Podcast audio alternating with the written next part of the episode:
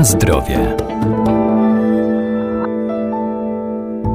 Każda aktywność fizyczna ma pozytywny wpływ na zdrowie człowieka, bo ruch dotlenia nasze mięśnie i hartuje ciało, ale trening to pewien proces, który połączony z właściwym odżywianiem może zwiększać masę mięśniową czy też redukować poziom tkanki tłuszczowej, dlatego powinien być dostosowany do indywidualnych potrzeb.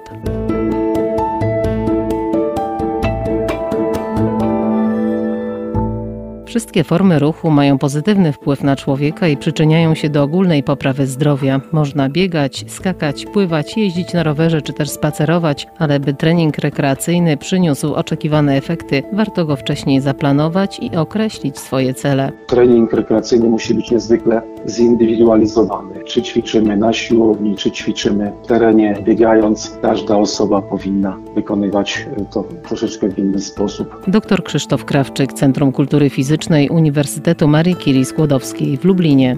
Nawet biegnąc w grupie pięcioosobowej, to co dla trzech osób będzie normalnym rytmem biegowym i będą mogły swobodnie sobie jeszcze przy tym rozmawiać, to dwie osoby mogą być już w tak zwanym obciążeniu nadprogowym, czyli nawet nie bardzo będą mogły artykułować słowa, bo będą już w tak zwanej zadyszce, czyli będzie niby ta sama intensywność oddziaływała na nie w sposób bardzo mocny. I tak jest praktycznie przy różnego rodzaju treningach, jeżeli nie robimy tak zwanej indywidualizacji. Nawet w sporcie wyczynowym dochodzi się do tego, że mając wyselekcjonowaną grupę sportowców, jeżeli są w różnym wieku, to też trzeba im obciążenie treningowe indywidualizować. Najważniejsza kwestia, żeby ćwiczyć z przyjemnością, żeby ćwiczyć dla zdrowia, żeby przede wszystkim ten trening nie spowodował żadnych ubytków i strat, bo trening rekreacyjny powinien być skierowany na utrzymanie i poprawę zdrowia. Dlatego musimy się trzymać tych reguł, ale no, żeby się reguł trzymać, musimy je znać. Dlatego każdy, kto podejmuje indywidualnie, samodzielnie taką formę treningu, powinien nabyć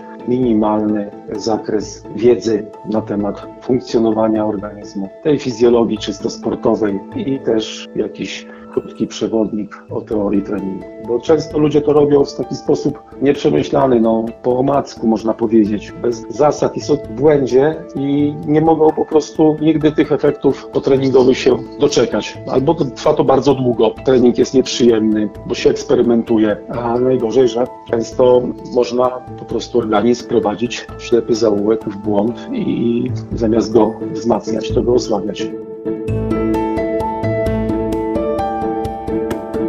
Na zdrowie.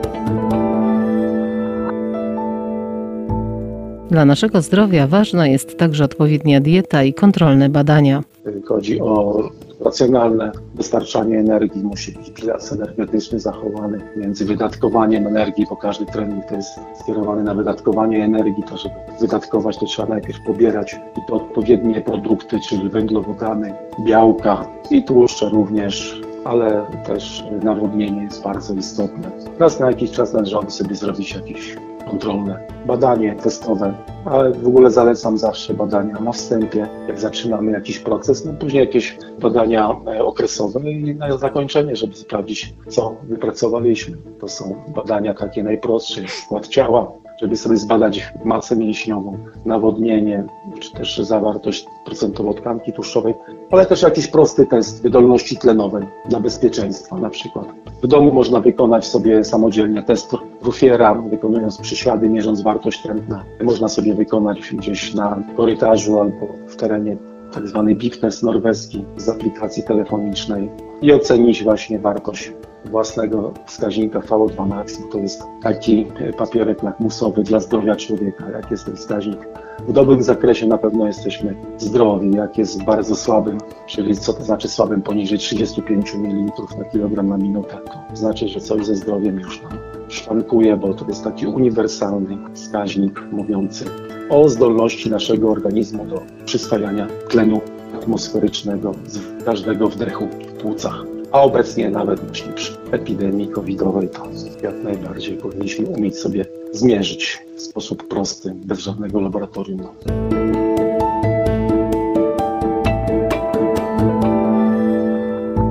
Bez względu na rodzaj uprawianego sportu warto też pamiętać o odpowiednim nawadnianiu organizmu, a podczas aktywności na świeżym powietrzu należy zadbać o właściwe ubranie dostosowane do pory roku wykonywanej czynności oraz pogody.